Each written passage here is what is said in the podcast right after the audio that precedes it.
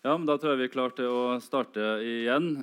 Og jeg vil jo bare aller først si at, uh, at uh, samtalen blir tatt opp. Uh, Litteraturhuset har jo sin egen podkast, så vi lager et lite opptak av den og legger ut etterpå. Og vi vil også åpne for spørsmål fra salen underveis. så det er egentlig bare å tegne seg til meg, så skal jeg notere det og få det til å passe inn sånn som, sånn som det gjør seg best. Ehm, jeg vil også for ordens skyld da, si at uh, jeg sitter jo sjøl i byutviklingskomiteen. Så jeg havner fort i en sånn rolleblanding i, når Litteraturhuset har byutvikling på dagsorden. Men tanken her er jo at, at altså Byfortetting har vært en politikk det har vært brei politisk enighet om i veldig mange år. og nå står vi, om ikke ved et vannskille, så står vi i hvert fall i en en posisjon hvor det er mulig å gjøre endringer. Eh, det ble arrangert en eh, annen fortettingsdebatt i, i Trondheim for ikke så veldig lang, eh, lenge siden med et bredt politikerpanel hvor politikerne ble utfordra på det. Mens temaet i dag har jo vært da, hvilke virkemidler vi faktisk har. Hva kan gjøres? Hvilke planverktøy har vi? Eh, og ikke minst eh, hvordan bør samspillet være mellom eh, på den ene sida byplankontoret og kommunen, mellom politikere, utbyggere og ikke minst fra naboer og, og folk flest. Da. Altså, hvordan får vi et samspill som gir best mulig byutvikling for Trondheim på, på lang sikt? Og det med, med, den bakgrunnen vi har invitert til et uh, veldig interessant uh, panel her. Uh, vi har eh, Harald Martin Gjøvåg, som er utviklingssjef for eh, Selvåg. Ikke bare her i Trondheim, men for Selvåg eh, for hele landet. Vi har også arkitekt Odd Håkon Byberg, som er arkitekt her i, i Trondheim. Og så har vi Ingrid Skjøtskift, som er kommunalråd for Høyre i, i Trondheim. Og bare sånn innledende spørsmål til dere. Altså, hva, altså, hva, hva, er det som er galt med dagens uh, fortettingspolitikk? Kan kanskje begynne med deg, Odd Håkon Byberg. Ja, um, jeg synes i utgangspunktet så er det ikke noe galt med politikken. Vi, vi trenger å, å fortette. Vi, folk flytter hvor de vil, og vi kan ikke lage noen uh, mur mot Heimdal. Uh, sånn fungerer det ikke, så vi, vi, har ikke noe valg. Men det handler jo om uh, kvalitet sånn vi, det handler om kvalitet. Og det, der sliter vi litt med, med kvalitet i de nye store eh, byområdene. Og vi sliter med kvalitet også i lokale, altså mindre fortettingsprosjekter. Der mangler vi ofte en strategi tenker jeg, for hvordan man får kvalitet når man fortetter i eksisterende områder. Noen steder man, trenger man liksom bare å tilpasse det inn i huset sånn at det blir hyggelig. Noen steder så trenger man en litt mer gjennomgripende strategi for å få til fortetting. Mm. Uh, Ingrid Kjørtskift, du har jo engasjert deg mye i det siste i altså mange konkrete saker. Det er jo enormt med klagesaker på, på særlig eplehagefortettinga. Men uh, noe stor, uh, stort engasjement blant folk rundt den fortettingspolitikken som, som, har vært etablert politikk i Trondheim i lang tid. Altså, hva, hva er ditt Eh, hva er ditt inntrykk av den eh, fortettingspolitikken vi har i, i dag? Mye av de konfliktene som jeg viser jo at uh, fortettingspolitikk er ikke én politikk. Det er forskjellige strategier, det er ulike strategier i ulike bydeler. så klart. Og så er Det jo det som er den store fordelen med Trondheim, det er jo de variasjonene som vi har i bomiljøet. Og Vi har en del eldre, etablerte um, småhus- eller villaområder med god plass. Eh, så har vi noen nyere bebyggelsesområder der det er bygd tettere og litt høyere. Og klart at Det er jo store forskjeller på, på, det, på fortette i ulike områder. Og så er det jo en del fortetting som er ren byomforming. Eh, eh, sånn som vi ser nå f.eks. i Lillebyområdet. og der. Jeg mener jo at Den største tabben som vi nå har gjort i, i, Trondheim i denne fireårsperioden, det er at vi ikke gjør noe form for revisjon av KPA-en. Det er jo den som, som, er det viktigste verktøyet vi har. Og det er den vi burde ha brukt nå for å justere kursen på noen områder. Og for å kanskje å tillate å bygge tettere og høyere i andre områder. For det er jo det som nå er, problemet. At vi uh, har en eplehagefortetting som må justeres, etter mitt syn. Fordi, for, fordi fortettinga i seg sjøl har en sånn sterk forkjørsrett. Og så har vi andre områder som er mer byomformingsområder. der vi med fordel kunne ha bygd f.eks. mye høyere. Og der, der blir stoppa av dagens, eh, dagens bestemmelser. Så burde i det minste ha revidert bestemmelsene i kommuneplanens arealdel og heller brukt krefter på det enn på noen eh, planer, f.eks. Eh, den såkalte sentrumsplanen, som er veldig uforståelig fra, fra, fra, et folkevalgt ståsted. Den er vanskelig å forholde seg til. Det er vanskelig å se hva slags verktøy det skal bli for oss eh, politisk. Mm. Uh, Harald Martin Jøvåg, uh, du, du, har jo en hånd på hele landet. På sett og vis ved at dere har byggeprosjekter i mange byer. Ser, ser, du noen forskjeller mellom byene i Norge på hvordan de forholder seg til fortettingsstrategier? Ja, det er ganske stor forskjell mellom de største byene og, og, de, eh, og de, si, større tettstedene rundt uh, hovedstaden, f.eks. Uh, men først har jeg bare lyst til å si at i utgangspunktet så er det ingenting i veien med en fortettingsstrategi. Det, det, det er noe i veien med, det er jo hvordan, er jo hvordan vi har planlagt med soneplanlegging siden uh, 50-60-tallet i Norge. Eh, hvor man skulle bo et sted, jobbe et annet sted, eh, rekreere et tredje sted og handle et fjerde sted. ikke sant? Eh, og som var basert på eh, Veldig bilbasert, da, og basert på høy grad av mobilitet. Eh, og så glemmer vi av og til å tenke at eh, byutvikling skjer uansett. Enten organisk eller planlagt. Og vi trenger gode planer for å styre byutviklingen inn i et spor som er mye mye viktigere enn den enkeltes du si, litt mer sånn selvsentrerte uh, eiendomsbesitterbehov. Uh, vi er nødt til å være flere som deler på regninger. Vi er nødt til å være flere som deler på sosial, teknisk infrastruktur. Som kan ha mulighet til å leve, uten å måtte, altså leve i hverdagen uten å måtte bruke bil til jobb eller utdanning eller skole osv. Og, så og vi er nødt til å se på byen som eh, et instrument for utveksling av varer og tjenester dersom byen skal være konkurransedyktig mot andre byer. Eh, for det er tross alt det er ett imperativ for byvekst. Det er at det finnes arbeidsplasser her. Fjerner man arbeidsplassene eller gjør det vanskelig for folk å komme seg til arbeid, og gjør det vanskelig for folk å leve hverdagslivene sine, så taper byen terreng. da. Mm. Og Tilbake igjen til hovedspørsmålet ditt. Eh, det vi ser, er at de eh, større tettstedene rundt eh, Oslo er f.eks. vesentlig mer dynamiske enn storbyene som Trondheim, Stavanger og Oslo, som har helt andre storbyutfordringer enn det de mindre stedene har. På den andre siden så ser vi at sånn som Bærum, som er en stor kommune, like mange innbyggere som Stavanger kommune, sliter voldsomt med en vi, vi syns vi er mange nok. Eh, holdning både politisk Veldig splittet Høyre i Bærum, dessverre. Uh, og flere og flere kommuner mangler de styringspartiene. Arbeiderpartiet og Høyre har vært to gode eksponenter for god styring i mange år i storbyene. Nå taper de terreng. Uh, og de mister moment, og det, gir, det, skaper også usikkerhet og ubalanse i byutviklingspolitikken, som etter min mening ikke bare handler om herlighetsverdiene, men som først og fremst handler om næringspolitikk. Mm. Den holdningen om at vi er mange nok, har jo vært eh, framtredende i Trondheim også. Kanskje ikke så mye nå, men i hvert fall før. Altså, Finnes det i det hele tatt noe alternativ til en fortettingspolitikk? Nei. Nei. Nei, altså For Trondheim så er jo alternativet at eh, folk som vil ha litt eh, plen og litt hage, flytter til Malvik eller Melhus eller Skaun. Og Det vil jo være et stort nederlag for byen. Det er det ene. Og det andre er jo at det er jo heller ikke spesielt miljø- og klimavennlig hvis man skal jobbe i Trondheim. Mm.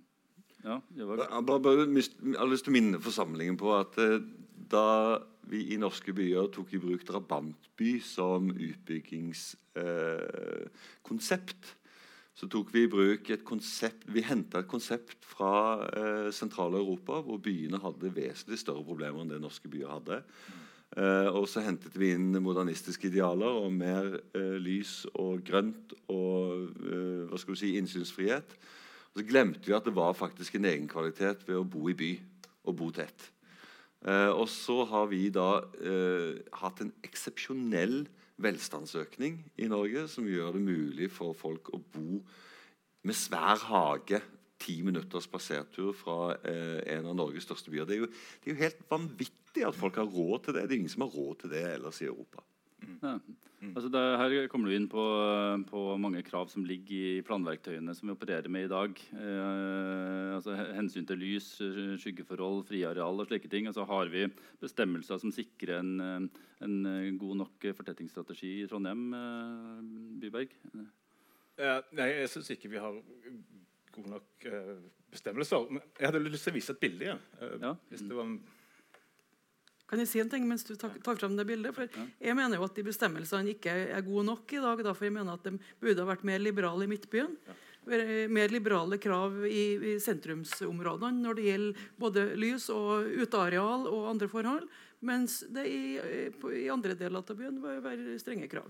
Eh, Jeg var ute og kjørte med en tur for noen dager siden. eh, og Dette er på Tillerlandet. Og ofte er det slik at eh, Når vi viser fram gode, at vi har vært flinke med, med byplanlegging, så, så viser man ting som er ute på ladet, fordi det er, ser bedre ut. Men her så har veldig mye gått galt. Her ser man f.eks. at uh, man legger Dersom man har et fortettingsområde, et, ny, et nytt byutviklingsområde, så legger man rekkehus. Og de er så lave da i denne gata at man faktisk ikke ser husene. Og hvis man er barn og går gjennom denne gata, her, så er det ikke sikkert man egentlig finner huset man bor i. Og Da har man problemet med de moderne rekkehusene. At man har to biler. Rekkehusene fungerte veldig godt på 70-tallet. Men nå er det to biler og bod og søppeldunker foran husene på smale tomter. Og da får man den slags type gater. Og så har man laget seg en strategi om at man, har, man skal ha eh, en miks av typ, forskjellige boligtyper. Og da får man et voldsomt krasj mellom det som er to etasjer og det som er syv etasjer. Og man trenger, en, man trenger uh, å kreve en homogenitet eh, og kreve urbanitet også om man er ute på Heimdal. Ikke fordi det trenger å være så forferdelig tett, men fordi det hjelper en til å organisere bedre. Sånn at alle arealene faktisk er til for noe, og ikke bare er masse arealer man skal vedlikeholde, som ingen bruker. Hadde man tatt denne utnyttelsen som man har i området her, og spredt den, laget kvartaler, så kunne man bygget eh, kvartaler i tre eller fire etasjer. Nok lys eh, for alle og sosial kontroll i gatene. Men dette er egentlig, her bygger man egentlig slumt, syns jeg. Uh, og det kommer fra at man kaster inn to etasjer og syv etasjer samtidig. Man gjør, har egentlig gjort samme på Lilleby.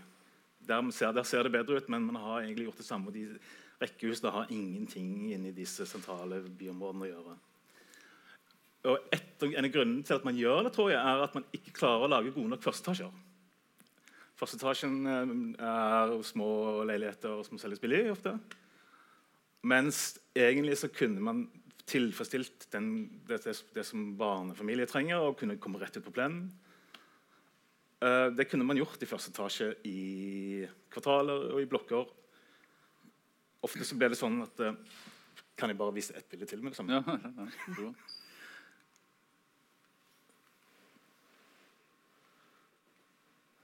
Grunnen til at man sliter med førsteetasjene, det er jo at, at man Ja, det, det blir for dårlig rett og slett å bo i første etasje. Uh, fordi det er ikke noe skjerming og krav til rullestol. og sånt, så plutselig så er man trøkket helt ut i gata og ikke noe, ikke noe privat etter det hele tatt. Man trenger å løfte den første etasjen en halvmeter. og Det må man egentlig tror jeg, man må bare sette krav til det. Fordi at Hvis ikke så må man løse det på den måten at man bare trykker det sammen, og så må folk leve bak gardinene. Eller så må man gjøre det sånn som Uteborg Gelstøer, og så lage en stor avstand for å få det skjermet nok i første etasje. Og da har man igjen masse arealer som egentlig ingen bruker. Altså, man ødsler vekk arealer fordi man ikke har god nok planlegging. Mm. Men er utbyggerne da forplikta til å sløse med rollene på den måten, eller står utbyggeren eh, forholdsvis fritt til å utforme prosjekt eh, på den måten de, de vil? Altså, jeg, jeg mener at sånne ting som dette det er kommunens feil. At eh, de legger, legger ut disse arealene som bare er til for å lage avstander her og der. Og så lager man arealer som egentlig ingen har lyst, interesse av å vedlikeholde. For det er ingen som eier dem, og ingen som bruker dem. Hva, hva tenker du, Jøvåg? Altså, hva, hva, hva er et godt uh, byggeprosjekt for, uh, for Selvåg i Trondheim? Mm.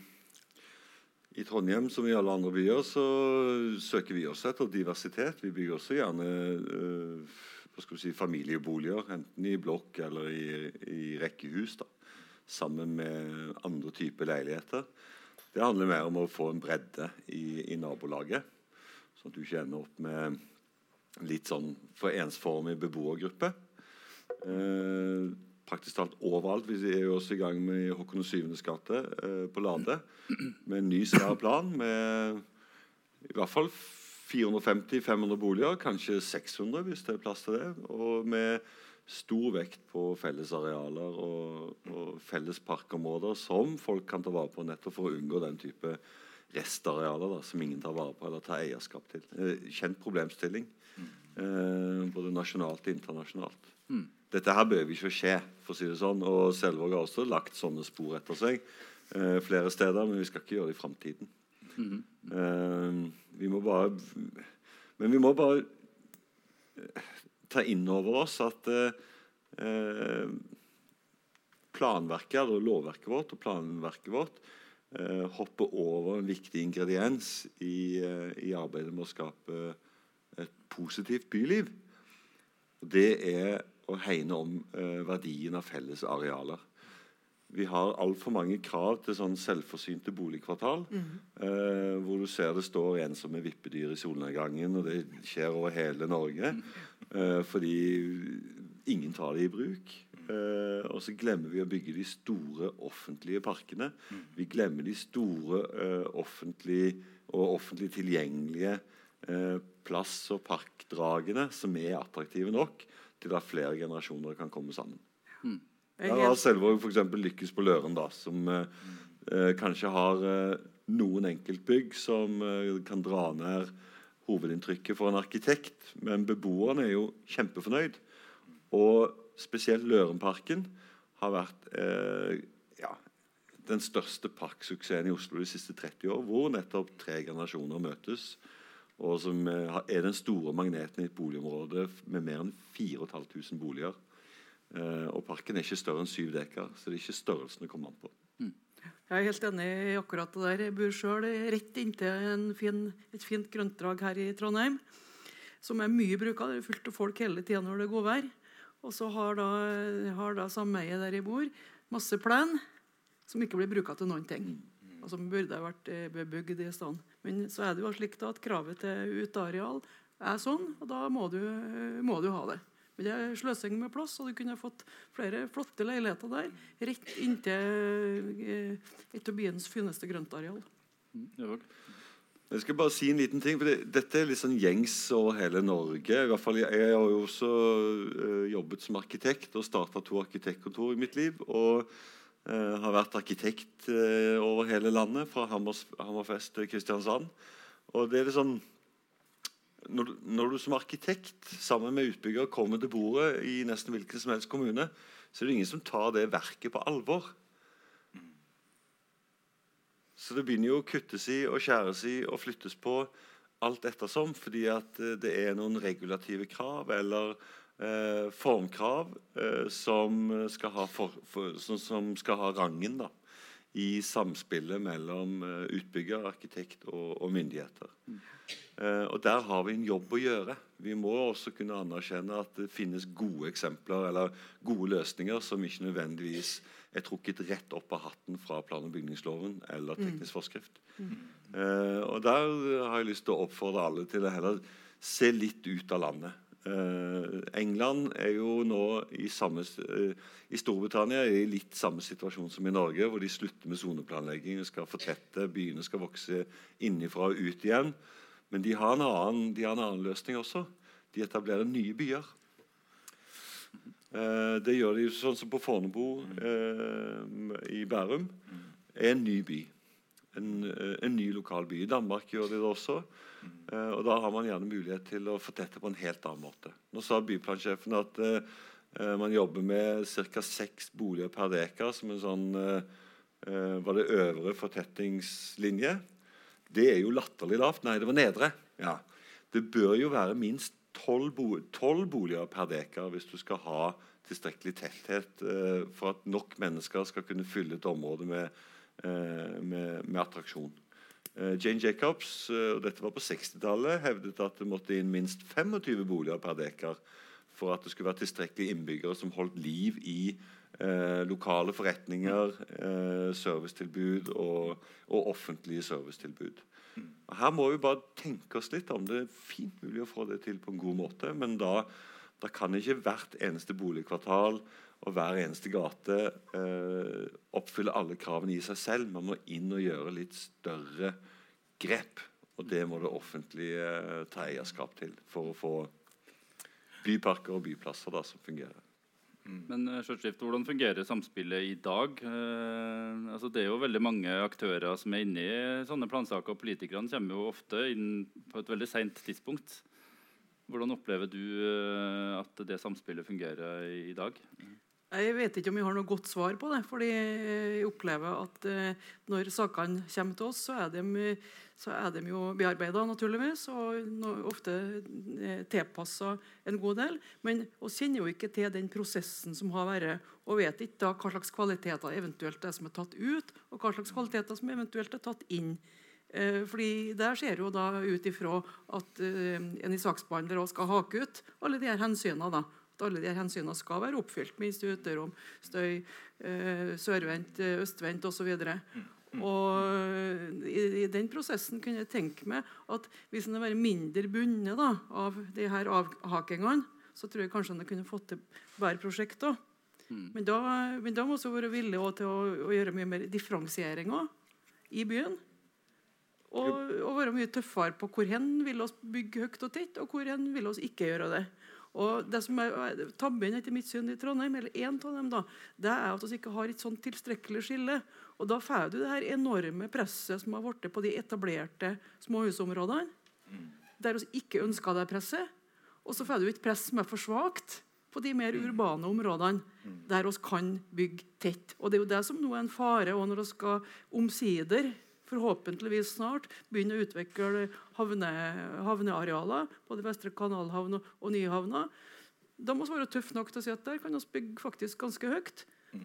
Og at vi kan renonsere på noen av de her kravene som vi ellers eh, tviholder på.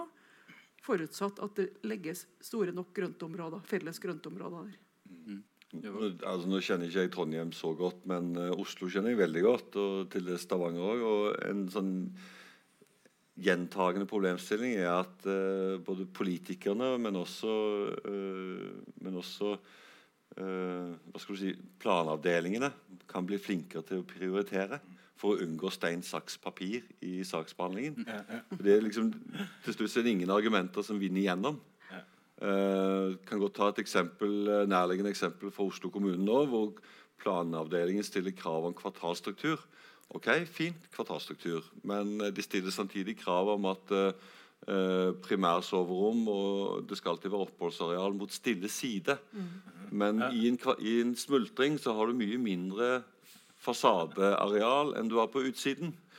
Så du, du får ikke trykka inn det her på, på innsiden. Eh, samtidig så vil en kvartalstur alltid skyggelegge eh, fra fire kanter. og nå er det jo da den viktigste sola. da Mm. Eh, hvor eh, en kvartalstruktur plutselig vil skyggelegge så mye av uteområdet at eh, da må du redusere byggehøyden så mye at til slutt så går det, det går ikke opp. da. Mm. Ja, ikke... Eh, og det, er, det, det, blir for tullete. Eh, og så til slutt så ender du opp med ensidige leiligheter mot øst, inn mot bakgården pga. støy. Og så vet du plutselig ikke lenger hva som gjelder. Var det sol, eller var det støy, eller var det struktur, eller hva var det egentlig som var viktigst? Men der er, vel, der er det jo fort sånn at det, disse støyfolka de ødelegger mye for planleggingen. For de, de burde egentlig vært nedlagt, den avdelingen. Eller vi kunne fått den inn under uh, Ragna, sånn at hun kunne holde styr på den. Altså, støy, Støykravene har jo ødelagt så mange flotte leiligheter. Og der jeg bor, så går det jo noen busser sånn at det er gul støysone. Mm. Når det er gul støysone, da må du støyskjerme den sydvendte balkongen. Mm. Så de som har små leiligheter, har da et lite drivhus som de kan bo i om sommeren. Det er som utearealet der. Det, men, men her, vent litt nå. Bare, her står kommunene helt fritt. Dette, altså Vi må huske på at det, dette, er, dette er etterslepet etter en veileder utarbeidet av Statens vegvesen for Miljøverndepartementet. De så på det som en stor seier å få den igjennom på var det 80-tallet. Eh, I mellomtiden så har vi altså hatt to hovedrevisjoner av plan- og bygningsloven. Eh, vi har fått en ny, helt nytt fokus på bymessighet og urbanitet. Jeg bor selv i rød støysone med tre barn. Den minste er to og et halvt år. Det, er jo ikke sånn at vi lider noen nød. Men her, du ser jo da her i byen, så bare på Havstein f.eks. Nye, flotte leilighetsbygg. Alle sammen har verandarekkverk som når dit på meg når jeg står oppreist. og du er ikke er veldig høy. Det er jo ikke så artig, da. Ja, det ser jo ut som man, som man sitter i et slags rettssak i Russland. og Sånt, Ja. Men, men igjen, da, bare for å ta, bare, for ta, ta bare som en liten saksopplysning Dette er en veileder. Ingen etablert bestemmelse, statlig bestemmelse. Det er en veileder. Kommunene står helt fritt til hvordan de skal bruke den veilederen. Og De står også fritt til å bestemme avvikssoner fra veilederen og gi egne bestemmelser i kommuneplanens arealdel for å imøtekomme ønsket byutvikling. Dette er ikke noe problem. Det er ikke noe problem med lovverket.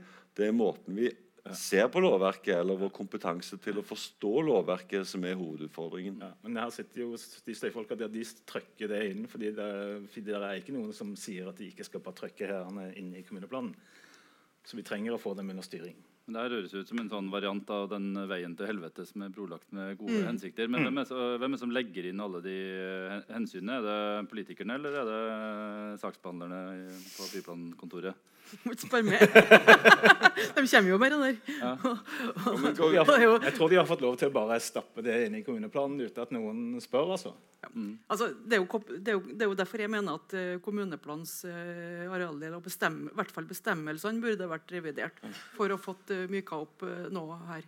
Men altså, jeg er altså, Du nevnte disse kvartalene. Jeg, jeg mener at uh, det er klart at for kvartaler de, de har jo fire sider, og da får man skygge. Men man sier jo på Grünerløkka at det er fantastisk i Oslo. Fantastisk attraktive eh, rom for familier, og særlig barnefamilier, å ha et så stort skjermet rom.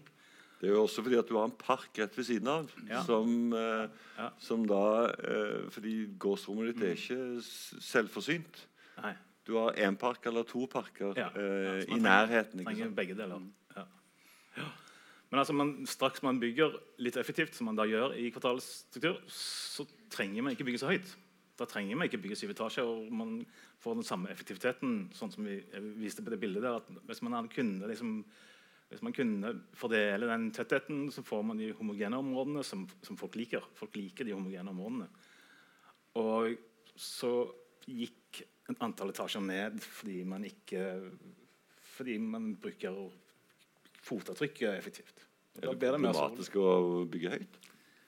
Ja, nei, ikke i seg selv, men, men det, det er, kan være problematisk at man bygger syv etasjer. Og, fordi det, det, det er også en monokultur på det vis. Men, og det legger jo lange skygger. Men problematiske synes jeg det oppstår når man har punktbyggene. Og så da skal man ha enorme arealer, og så skal man bygge to etasjer på de. Da får man ikke noen, man får ikke noen bystruktur. Man får ikke noen homogene områder. Men hva, hva slags type byfortetting burde man hatt i Trondheim? I, altså, i, vi har ganske mange transformasjonsområder, og da Lilleby er et av de siste som blir bygd ut. Altså, hva, hva slags høyde burde man hatt i, i Trondheim, og um, hvordan burde man legge til rette for utbygging av sånne områder? Nei, men det kan godt ikke sånn at man burde bygge i fem etasjer, men, eh, men Og det er ikke noe problem, men man, man får en bydel får en identitet og en tydelighet når, når det er homogent. Sånn som altså, alle de bydelene vi kjenner, sånn som Møllenberg, det, og de, alle de bydelene som på en måte er, er identitetsbærere i Trondheim, uh, de er homogene. Og de har ens, ens bebyggelsesstruktur. Og jeg mener jo at vi kunne, vi kunne Møllenbergifisert eh, utover også. Fordi på dette tetthetskartet som, eh, som Ragnar viste, der er Møllenberg det absolutt tetteste området i byen. Ja, Hvis det brunner ned, så ville du ikke fått eh, tillatelse til å bygge opp igjen på samme måte. for Nei. det er i strid med dagens lover. Ja. Så folk elsker å bo på Møllenberg, men vi får, vi får ikke lov å bygge det noe flere ganger. Selv om det er det mest effektive vi har. Ja. Men hva, og hva skal da i så fall til for å endre bestemmelsene på en slik måte at man eh, har alternativer? Altså, jeg, jeg tenker jo at, at vi kunne Møllenbergifisert eh, en del sentrumsnære boligområder. For det at, at det er noen sentrumsnære områder på ja, altså litt oppå Byåsen, litt eh, ut mot Rosendal og litt opp på Tyholt Når man uansett fortetter, så er det jo greit å ha en plan for hvordan dette skal bli når det er ferdig. fordi det er jo en inkrementell prosess. Da, men da snakker du ikke, egentlig ikke om en fortetting, da snakker du egentlig om byomforming. Eller? Ja, altså, men, men når man fortetter, så man får jo et resultat. Og resultat- resultatet er at hver eneste ledige tomt får fullstendig sin egen løsning, så oppstår noen av de problemene som jo- folk hisser seg opp over. Ja, Det er jo det som er et kjempeproblem mener jeg, i de her boligområdene. At du, at du bygger ut én og én tomt, som du sier. Og så har du egentlig ikke en plan om å omforme bydel. Men summen av alle de her enkeltfortettingstiltakene blir eh, i løpet av noen år en omforming av bydel. Og det har egentlig ikke bystyret eller de folkevalgte i Trondheim sagt at vi ønsker. Og så har jeg ikke sagt at vi ønsker å omforme Byåsen og Nardo og Charlottenlund. Det er bare noe som kommer på kjøpet. Jeg kan eh, Jeg kommer gjerne tilbake til Trondheim for å fortelle om eh, Håkon Syvendes gate og, og Lade. Vi jobber jo sammen med AC-arkitekter der og har også engasjert Visco og har putta prosjektet vårt inn i en kontekstmodell, 3D-modell, av hele Trondheim. Så vi kan se prosjektet fra hele byen i 3D. Uh, vurdere fjernvirkning, vurdere naboskap, vurdere hva er det vi kan gi i vårt lille kvartal som eh, resten av området mangler. Eller hva er det vi ikke behøver å gjøre en gang til, osv. I den prosessen så uh, har vi kanskje fått skrudd planen litt bedre sammen enn det han var for, uh, for noen måneder siden. Jeg vet ikke. Men eh, det begynner i hvert fall å tegne seg en ganske god eh, byplan. Eh, som, kom, som, som dyrkes fram, eller som du ser i det du ser eh, området ditt i sammenheng med større eller andre områder. Da. Eh, og bare det å bare det å tørre å eksponere seg for eh, litt flere objektive kriterier. Det å tørre å eksponere seg for eh, naboskap, omgivelser og medvirkning etter hvert. For dette er jo en, dette er en modell vi kan ta alle naboer og alle hos myndighetene og planavdelingen med på en reise i. De kan selv plassere seg hvor de vil og vurdere eh, omfang av utbygging og høyder og volum. Eh, vi trenger mer av det. For det ville hjulpet av noen av de der eh, konfliktene som, som garantert kom til å komme i kjølvannet av alle fortettingsprosjektene i Trondheim òg. Men hadde det vært et alternativ for Selvåg å eh, Møllenbergifisere eh, transformasjonsområdet i Trondheim dersom det hadde vært eh, mulig? Ja, gjerne for meg, men det er Helt sånn blir det jo ikke uansett. fordi nå bygger vi på en annen måte. Vi har litt andre krav rent teknisk også, med hensyn til bare f.eks. at vi har krav til heis, universell utforming eh, og ja. Men eh, ja, why not? Shift, altså hvor, altså, hvor liksom, reelle alternativer har vi eh, til å regulere ulike områder på forskjellige måter? Ja, jeg mener at du har store muligheter for det. det jo, og det er jo et eh, særtrekk ved Trondheim og en kvalitet ved Trondheim at vi har de variasjonene som vi har. Og Kanskje bør vi nå reflektere noe mer over de etablerte boligområdene. Altså Mange har jo som et hjerte for Møllenberg, Svingsaker, eh, de her som du sier, identitetsbærerne.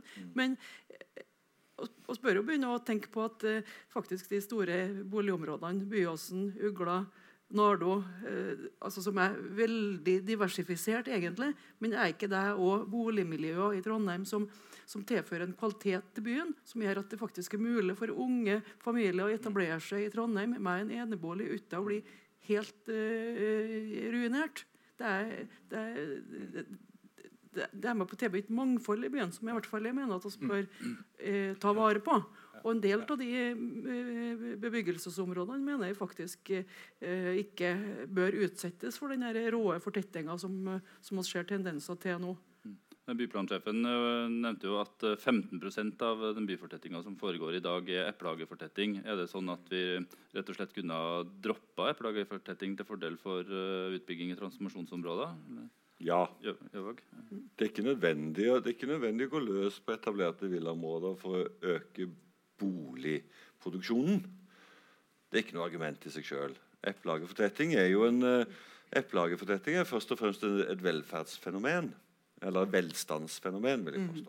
Uh, unnskyld. Uh, det er klart Hvis du har en etablert villastruktur med store hager, og noen er villig til å selge deg en flik av den hagen når du får anledning til å bygge deg en ny enebolig der, klart man gjør det hvis man har råd til det.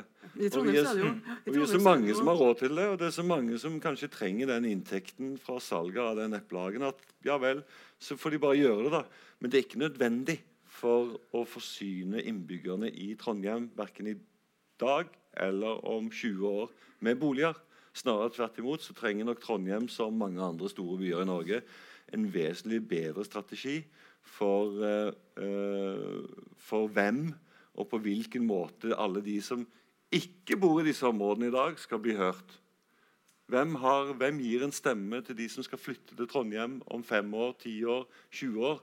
Det er den rollen byplansjefen og politikerne kan ta ved å ta konkrete, eh, bærekraftige valg på hvor man skal øke boligproduksjonen. Mm. Og hvor man kan få mest mulig igjen for samfunnets eh, investeringer også, ikke minst. Eh, Byberg? Mm.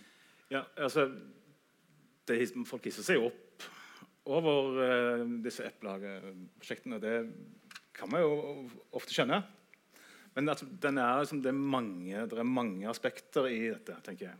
Uh, jeg laget en liten plansje det var også fra den samme kjøreturen. Uh, hvis man ser over det svarte huset her Det ligger inni et eksisterende boligområde. Det er røftlig sånn som de andre, andre, husene. Det er ikke veien for noen.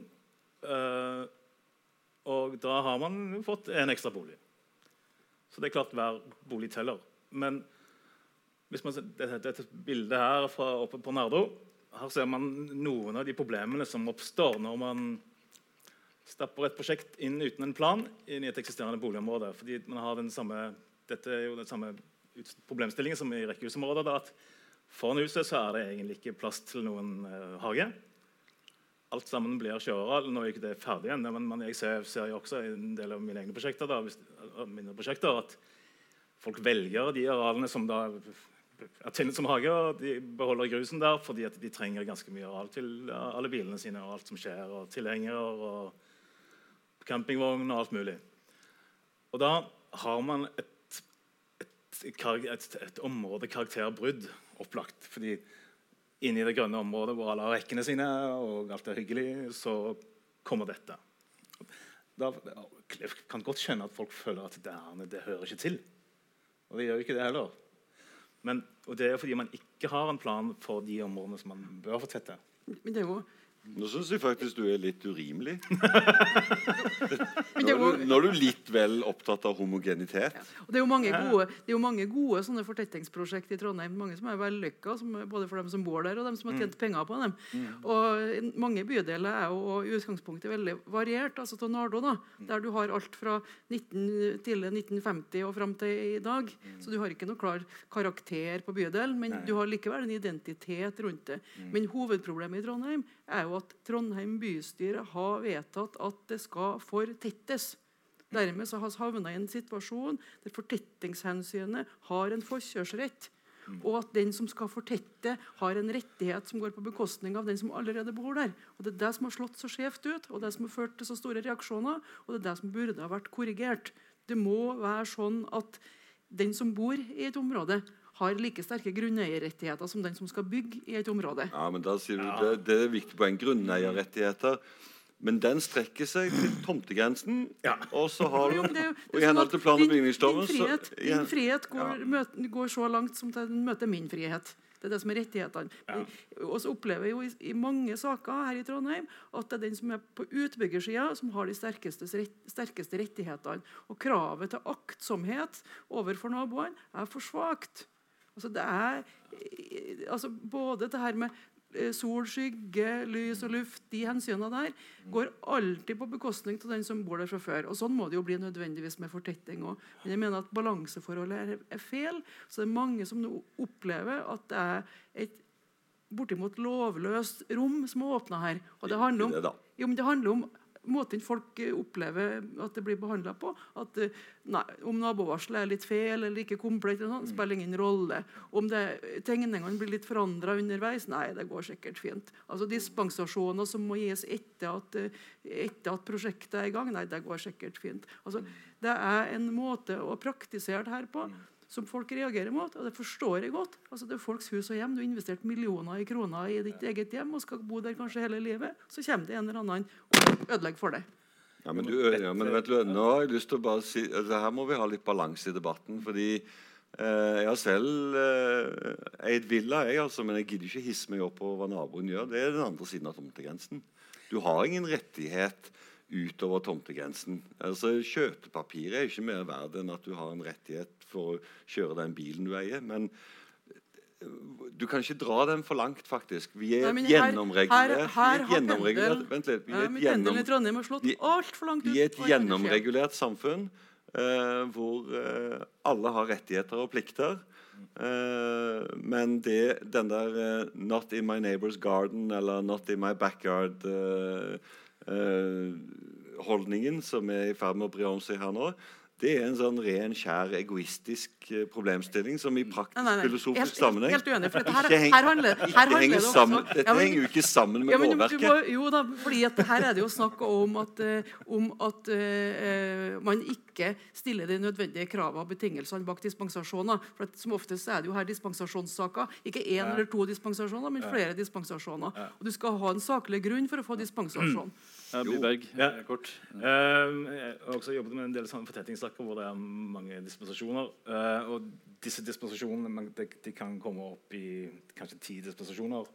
Men no, mange av disse er komiske ting. da, hvordan man har en reguleringsplan fra 50-tallet, og på, i den reguleringsplanen så står det hvor man skal tørke klær. Eller så har man disposisjon fra veiloven og den avstanden man må søke dispensasjon for, den er ligger lenge, mye lenger bak enn de andre husene i gata. Så at man må søke dispensasjon for å gjøre det som de andre har gjort. Mm. Eh, så at det Dispensasjonsveldet det har jo også blitt et, et mareritt for, for administrasjonen å forholde seg til. Fordi man trenger masse dispensasjoner, og så har man glemt, kanskje glemt en advarsel. Men dette, alle de tingene man søker dispensasjon for, det er det man må, må som må til for å lage et ordentlig prosjekt. Mm. Man må ha dispensasjonene for å gjøre det som er helt naturlig. Bare Før vi går videre, så vil jeg minne om at det er mulig å tegne seg til, til spørsmål fra salen. Så skal jeg holde litt følge med det. Det som bør være kommunale myndigheter sin rolle da, i denne type fortetting, det bør jo være å legge til rette slik at det ikke skapes flere pro problemer enn nødvendig. Mm. Og det er den eh, rolla tror jeg at kommunen ikke håndterer godt nok. Fordi i mange sånne saker så blir det eh, så er det jeg mener, for svake krav til aktsomhet og, og til hensyn. Og så blir det ender det ofte også i privatrettslige konflikter som blir utløst av eh, den kommunale saksbehandlinga og de politiske vedtakene. Men, uh, altså, nå, nå, er det en privatrettslig side her også, da, som du er inne på. at uh, altså, har, du, har, du, en tomt, så har du uh, rett til å bygge på den. og sånn. Altså, hvordan kan kommunen re, rent faktisk håndtere det på en annen måte som fører til færre konflikter? det vil alltid være konflikter, for vi er mennesker, og vi er følelsesmennesker og vi er følelsesdyr. altså Sånn vil det bare være. Men bare for å si én ting. et eller annet sted her så må kommunens faginstans bare gå inn og lage gode planer også for disse etablerte småhus- og eneboligområdene. Oslo har gjort i småhusplanen. Ikke noen spesielt god plan, og heller ingen heldig plan. Utløste hele tiden krav om disp mm. dispensasjoner der òg. fordi plutselig så skal ja. Mm. For virkeligheten passer ikke sammen med kartet bestandig. Det er det ene. da, Men man må lage gode planer som er såpass varige at de kan hoppe bukk over politikernes kåthet etter å hele tiden eh, være på jakt etter neste velger. Og det er jo et egentlig, altså Servile politikere som underkaster seg hissige naboer, er jo et mye større problem for byutviklingen enn at, uh, enn at uh, en stakkars familie har lyst til å klemme seg inn med en ny enebolig i et område hvor det finnes eneboliger fra før. Mm? Ja, altså, eh, altså, i, disse, I disse fortettingsområdene det, det er jo der temperaturen kommer, opplagt. Men har jo det problemet da, at, at man ønsker I hvert fall for noen områder så ønsker man at de, skal, de burde ikke vært noe tettere. Men også, da kunne man egentlig laget en plan i kommunen. Som, man kunne laget en soneplan, så å si. Selv om det ikke høres så bra ut. man kunne laget en områdeplan hvor man sa, sa fra hvor man syntes at man skulle holde strukturene sånn som det var. Og så kunne man laget en egen, en egen områdekategori for de områdene som, hvor man tåler tett, litt fortetting. Og så kunne man laget en plan for hvor man faktisk må gjøre noen liksom kreative grep fordi ut, eh, fortettingspresset er så sterkt. Og det må kanskje være sterkt. At man trenger å tenke transformasjon i den eksisterende boligstrukturen. Og Da kunne det for være slik at man hadde Istedenfor at hver enkelt prosjekt som er mer enn fire boliger, skal lage sin egen, sitt eget lille fellesareal, som bare trykkes inn i et hjørne bak på tomten dersom man ikke kunne bygge uansett, så kunne man heller hatt anleggsbidrag. Altså at man betalte en sum til kommunen. Så kunne det være på bok til nok personer hadde fortettet, og så kunne de kjøpe huset i midten av kvartalet og rive det og lage park. Man kunne hatt en strategi. Replikk, ja. Jeg må bare, um, er det noen av dere som bor i en eplehage, kanskje? Enebolig? Sikkert. Dere er klar over at hvem som helst av dere har anledning til å lage en reguleringsplan hvor dere foreslår å bevare det boligområdet dere bor i, og sende det planforslaget inn til politisk behandling. Dette er jo ikke vanskelig. Det koster to kalorier og 15 øre å lage et sånt plankart. Det. det er heller ingen formaliakrav. Man har lov til å tegne det for hånd og farvelegge for hånd. Og kommunen har veiledningsplikt eh, og kan veilede for å få tråklet saken igjennom. Hvis det skulle være en utfordring. Problemet er bare at for hver som er mot eller for enhver som er forkjemper for å bevare ting som de er, så har du en nabo som kanskje trenger de pengene fra tomtesalg. Det er det som er utfordringen med å bo sammen. Vil du ikke bo sammen med andre i en by og eh, være raus nok og tålmodig nok og tolerant nok til å bo i by, så flytt på landet. mm. Hva tenker du, Skjøtskift? Ja, eh, først, eh, først, så er jo Trondheim kommune i en situasjon nå der vi eh, har mange gamle reguleringsplaner, som du var inne på, og en del områder der det ikke finnes noen reguleringsplaner. Mm. Så det er et eh, ganske stort eh, planvakuum i Trondheim. Samtidig som eh, en er i administrasjonen er dunga ned med nye, plan, pl nye planer og nytt planarbeid. Og kapasiteten er åpenbart sprengt.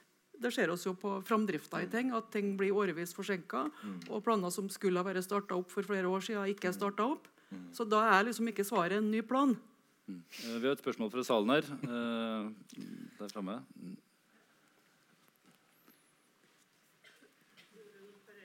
Altså, nå kjenner jeg Oslo bedre enn Trondheim. da. Eh, og det er jo interessant det du sier om Lørenparken.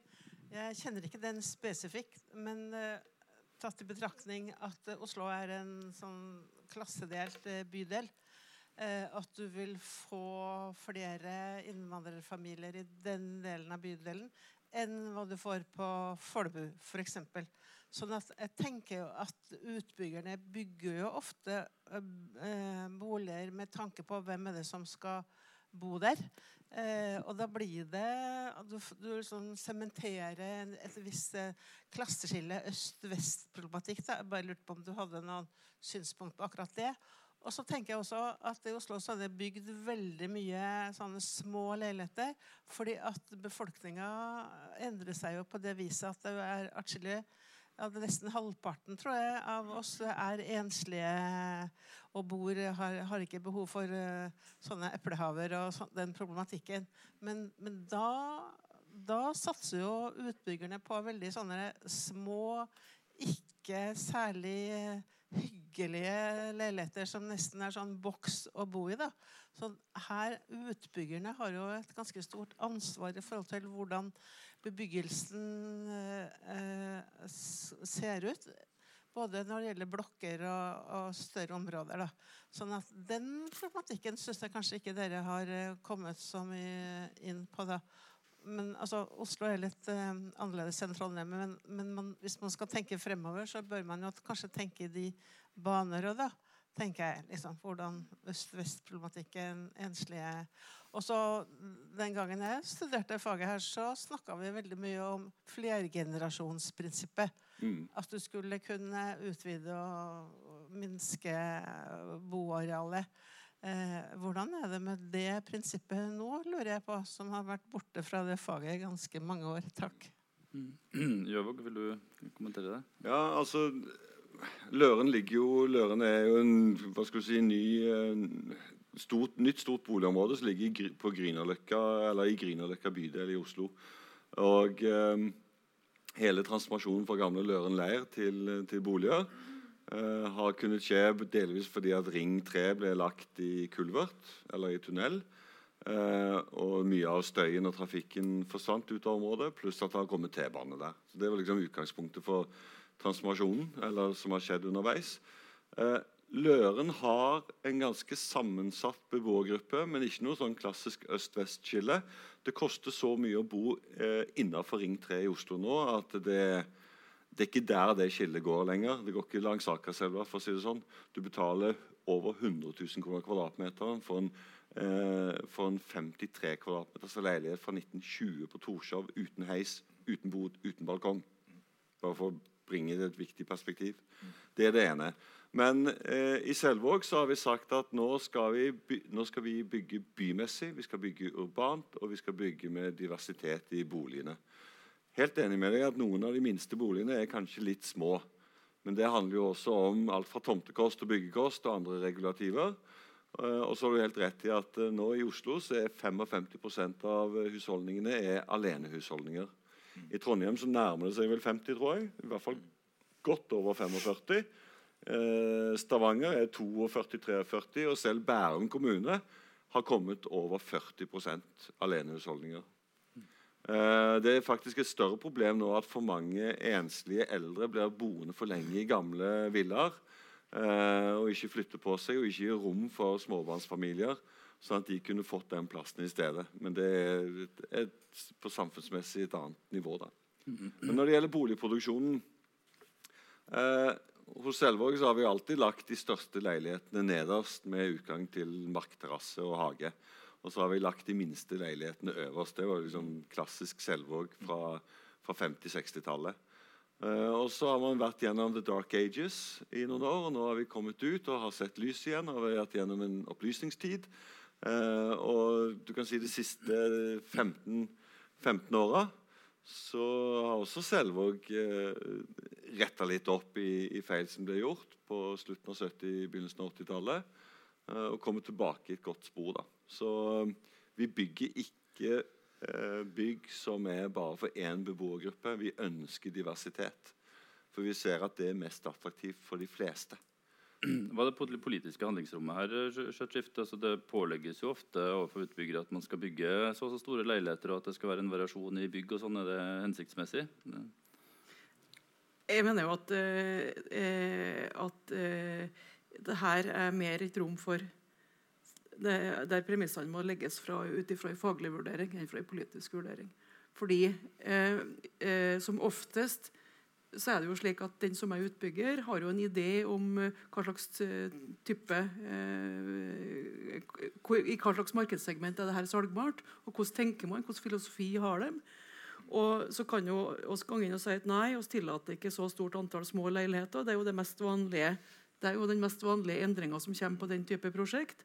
Eh, jeg mener jo at det bør være nokså tilbakeholden med det, nettopp fordi at eh, politikerne har nok vært noe i utakt med det som er utviklinga i markedet.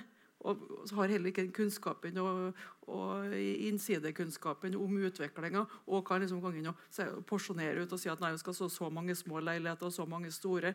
Og så bor det for, mange, for få barnefamilier i Midtbyen, så da måtte vi tillate så mange små leiligheter. Altså, det har jo ikke vist seg å være noe vellykka. da.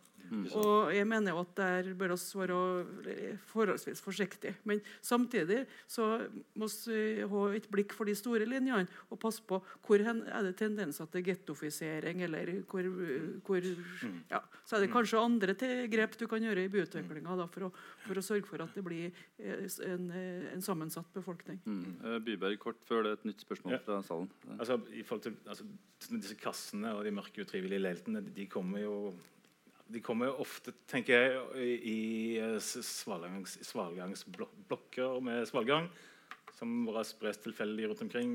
Det kan fort bli en getto. Man har ganske mange av de prosjektene etter hvert som er skal se litt sånn landlig ut sett ovenfra på, på, på, i NT 5000.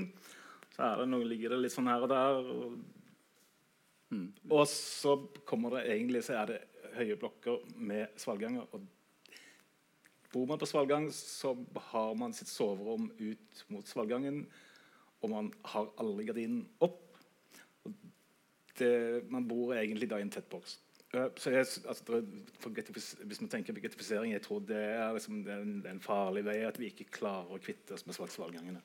Du snakker jo om Ildsvika nå, egentlig. ikke det?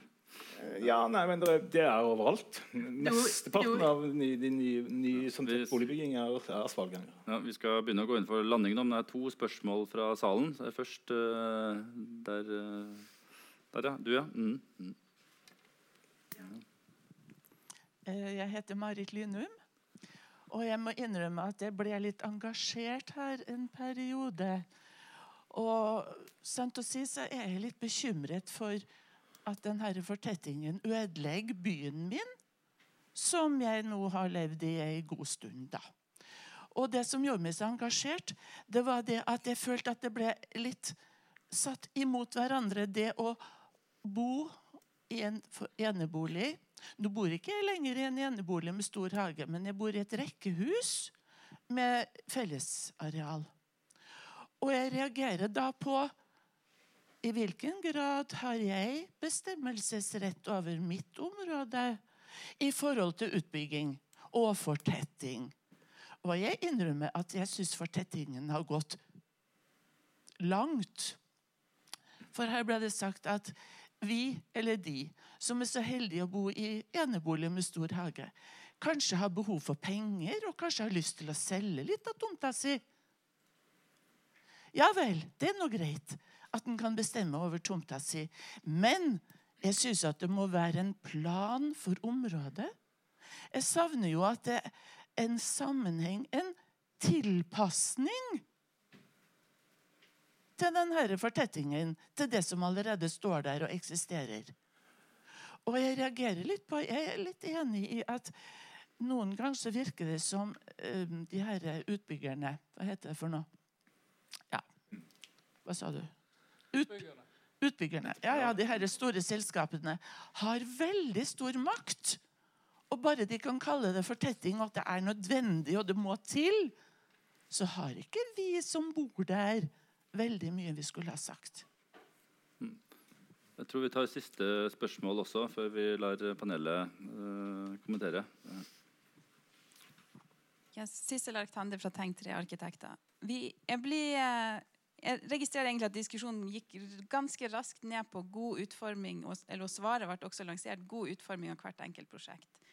Og at det handler om å lage diskusjoner som er er det, god, god, eh, er det et godt prosjekt. Noen ganger så, så oppfyller du kanskje ikke akkurat støykrav, eller oppfyller ikke akkurat den, men totalt sett er det et godt prosjekt. Og at det er den diskusjonen man må ha. Og ikke har vi unngått alle problemer. Har vi unngått diskusjon? Har vi unngått uh, har vi Ja. Sånn at eh, og jeg blir bekymra hvis man skal ha kjempestore planer, fordi man får uansett prosjekt, og du må uansett ta diskusjon om det blir, er det godt hvert enkelt prosjekt. Mm. Så Da tar man bare masse kapasitet til å lage la, store planer som tar lang tid, og allikevel blir diskusjonene like mange i neste runde. Mm. bare liten, helt enig med Sissel. Eh, jeg har bare lyst til å kommentere det du sier. Eh, jeg jobber jo da i Selvåg bolig. Vi er blant, Norges største, blant Nordens største private boligutviklere. Vi kjøper ikke eplehager og bygger villaer i eplehager. Vi kjøper eh, logistikk, industri og transformasjonsareal. Og vi har som forretningsplan at vi skal ha rom for minst 150 boliger minst 10 000 kvadratmeter før vi eh, gir grønt lys til noe tomtekjøp. Så det er helt andre utbyggere. Stort sett bare private som bygger i eplehagene. Så har du noen utbyggere som kanskje har spesialisert seg på å gjøre det her og der.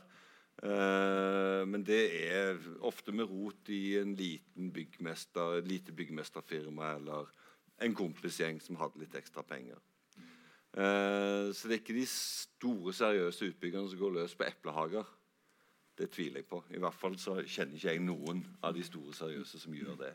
Men når det er sagt, bare bringe et lite perspektiv. Ja, jeg skjønner at du elsker byen din, men den byen hadde ikke vært her hvis det ikke hadde vært, det slik, det ikke hadde vært slik at mange nok mennesker tenkte det var fornuftig å komme tett nok sammen til å gjøre det eh, hensiktsmessig at byen ble til. Og byen her har blitt til gjennom utveksling av varer og tjenester, eh, som nesten alle andre byer i verden. Og eh, byen var mye, mye tettere på 1700-tallet. Eh, hvis du ser på byens areal i forhold til eh, antall boliger og innbyggere, enn det han er i dag. Mm. Mm. Uh, vil du kommentere? Ja. Um, jeg, jeg, tenker jo at altså, hvis man, Det er mange av de som det er kanskje litt slemt å si, eh, men mange av de som er, hisser seg voldsomt opp i fortettingsdebatten, de, har, de, er på en måte ferdige selv med å gjøre en liten utvidelse på huset sitt. De, har, de er ferdige selv med å legge sin, lage sin dobbeltgarasje. Og da, da syns jeg kanskje det er egentlig litt, litt slemt å si at eh, nå er historien over, historien er slutt. Fordi det er jo ikke sant. Om, hvis man tenker, heller tenker at om 200 år eh, hvis, det, hvis man da eh, bare beholdt alt slik det, det, var i 200 år Det ville uansett forandres. Det er ikke mulig. De samme bygningen kommer ikke, kanskje ikke til å eksistere om 200 år. Så vi er nødt til å ha en strategi for hvordan de, nærmest, nei, de, de områdene som er nærmest byen, hvordan de kan endres. Det, vi får, får vellykket, uh, uh, vellykket fortetting hvis man har en viss transformasjonsstrategi også i de fortettingsområdene. Mm. mm. Jeg tror nok at det er slik at vi ikke kan planlegge oss ut av de utfordringene og de her, de her motsetningene som vi eh, opplever. Eh, planer er bra og fint, det. Eh, men de løser aldri alle, alle de her utfordringene. Og Da må det noe politikk til imellom der, og da må det noen Eh, styringskåte politikere til òg, som, som, har eh, et hjerte for, eh, for, hvordan byen skal være, som, som har en forståelse for at, at, byen skal ha en sjel framover. Og jeg har bare lyst til å kommentere det her med altså, Retten til å utnytte egen eiendom den ligger jo der. Men da må vi sørge for at politikken blir slik at vi oss tar et forvaltningsansvar og, eh, oss tar en rolle for å hindre at eh, eh, ja, hva skal jeg si, for å, for, å, sikre at det blir god kvalitet på ting. da. For Det er jo ganske mange eh, tilfeldigheter som avgjør også i mange saker. Og så har ikke det perfekte byråkrati og så har ikke det perfekte demokrati. Og da hender det at det glipper på noen områder, og så hender det at det blir gjort feil. Mm. Og det er det jo noen ganger at du kan rette opp eh, gjennom eh, politisk skjønn, rett og slett. Så jeg vil, jeg vil, si at det er viktig for Trondheim å bruke det, det, politiske handlingsrommet som er innenfor det området her. Fordi dette betyr så mye for folk. og Det berører alle i hverdagen. og Alle har en mening om det, og det kan ikke løses gjennom en plan eller en formel. En siste replikk til Gjøvåg før uh, avrunder med et uh, spørsmål. Nei, jeg har tatt meg sjøl i å minne alle forsamlinger jeg har holdt foredrag for i, i mange år, om at vi lever i et av verdens mest demokratiske land. Eh, ikke bare kan du velge politikerne dine eh, annethvert år lokalt og så, eh, og så eh, nasjonalt. Men eh, Hver gang du ser en kunngjøring av oppstart av reguleringsplan, så kan du komme med innspill. Planen skal ut på høring, kan du komme med innspill. Når planen blir vedtatt, så kan du klage eh, til Fylkesmannen. Eh, og Det samme gjelder at når et eh, prosjekt skal ut på, til rammetillatelse, så får du et nabovarsel. Da kan du klage. Og når naboen har fått rammetillatelse, så kan du klage. Eh, så du kan gjøre livet surt for eh, enhver ved å bruke din demokratiske rett i dette landet. Vi har, vi har et, så, et så godt planverk som ivaretar eh, samfunnets og, og enkeltindividets rettigheter på så mange måter at vi har praktisk talt ingenting å klage over. Eh, Likevel så skjer det feil. Likevel så skjer det overtramp. ja, og dette er jo fordi at vi har glemt Jeg tror vi har glemt litt ut at uh, ja, Men det er jo de sakene, det er jo de sakene vi diskuterer. De få sakene som ikke går bra. For de aller fleste sakene går jo faktisk helt fint. heldigvis. Men uh, nå skal jo kommuneplanens arealdel uh, rulleres. Og alle kan si klage. At, eh, ja, det vil si at eh, det er fullt mulig å komme med innspill. Og også politisk så, mm, så kan man jo da eh, få inn eh, endringer til hvordan kommunen skal forholde seg til det her i åra som kommer. Ut fra den samtalen her med innspill og sånn, så, så får jeg imidlertid sånn inntrykk av at, eh, at det ikke er helt klart hva utfordringene er. fordi man sier på den ene siden at det er for detaljert og det stilles for mange krav og kanskje feil krav. eh, Men så vil man samtidig ha tydeligere føringer på en del prosjekt. Og, og Sissel Arkander etterlyste liksom rett og slett god prosjektstyring som kanskje i mindre grad involverer politikere i det hele tatt. Altså, hva, hva mener dere bør, bør inn i, eller ut av eh, arealdelen i neste rullering? Kan jeg, Ja. altså, er, altså, hvis vi er i de små fortettingssakene, så, så tenker jeg at man, folk har jo rett. Man skal jo ikke bygge i veien for hverandre. Det, man skal jo ikke ligge i veien for hverandre og ligge rett foran hverandre. og Folk må få lov å ha litt lys og utsikt. Men man trenger kanskje ikke å, å ha denne at dette at man skal ha fire meter til nabogrense. Det trenger man kanskje ikke. fordi hvis man har lys mot gata og lys bakover, så trenger man kanskje ikke den retten til siden. Da blir det, litt mer, da blir det plass til folk. Og da, kan folk, eh, da får vi en fortetting uten at det lager eh, så mange konflikter. Konflikten oppstår når, når folk, når folk opple- opplever at det kommer en stor vegg rett foran utsikten deres. Du har lest jo gutter, du. Jeg, jeg tror, jeg tror virkelig på det, at vi kan transformere noen bolig, løse boligområder og spredte boligområder til å bli tette, gode boligkvartaler. Åpne på baksiden, på hagesiden, og bedre gaterom. Hvis man bare tillater at, eh, at, at disse herne kvadratmeterne mot nabogrensen at de ikke var så hellige. Uh, Ja, nei, Det som må, må revideres, det er jo det som også er diskutert her, som handler om uteromsnorm og støykrav og lysforhold og sånne ting. Som, eh, i, som hindrer å bygge en mer urban by i sentrale deler av byen. Eh, Det må i hvert fall gjøres noe med. Og så er det jo en stor diskusjon om arealbruken opp mot kollektivtransporten. Det som byplansjefen viste fram her eh, innledningsvis, var jo annet en plansje med, som viste byutviklinga hvis du legger KPA-en til grunn. Og Det er jo en byutvikling som er helt i utakt med tenkninga rundt eh, kollektivakser og lokalsenter osv. Så, videre. så det er jo helt åpenbart at eh, du må se noe både på bestemmelsessida og på, på eh, eh, arealbruken utover. Eh, og jeg mener jo at som sagt, for å gjenta det, jeg mener at vi burde ha revidert hvert fall deler av den i denne bystyreperioden. For nå vil det jo gang i hvert fall fire-fem år da, før vi har en ny kommuneplans arealdel i Trondheim. Det er ganske lang tid. Og vi ser bare på det som har skjedd siden sist den ble rullert. Så hadde eh, ja, det, Den illustrasjonen som var oppe her, viste jo, viste jo det. Uh, Gjøvåg?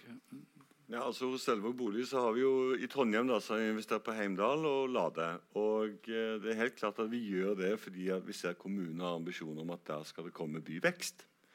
Eh, der er det etablert, eh, det er etablert jernbanestasjon. Det skal komme en, eh, antageligvis en velfungerende jernbanestasjon på, på Lade. Eh, og vi ser at mange andre av våre konkurrenter eller hva skal du si, andre større utbyggere har, eh, ser på det på samme måte òg. Så for å få utnytta det potensialet best mulig, så er det klart man trenger både de overordna gode planene, Samtidig så trenger man, en, man trenger nok å luke litt ut alle disse her kravene til selvforsynte kvartal og enheter. da. Det er, den største ulempen nå er nok at vi langt på vei har glemt å planlegge for by. Eh, bare ta et godt eksempel.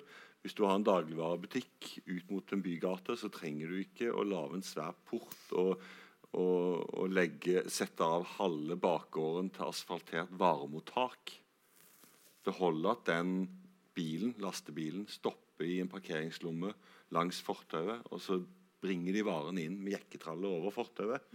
Men fordi det oftest er krav til at uh, varemottak skal være på egen grunn, så får du sånne rare hybrider som egentlig verken ser godt ut eller fungerer godt for noen. Fordi vi har glemt, vi har glemt å planlegge for by. Samme med disse her overordna grøntdagene som blir sånne buffersoner som ingen tar eierskap til. Eh, ingen helt vet hvem som skal klippe plenen eller måke snø der, eller osv. Eh, og du får litt sånn eh, Du får en slags antiurbane delområder da, som eh, rett og slett gjør det mindre vakkert og mindre interessant.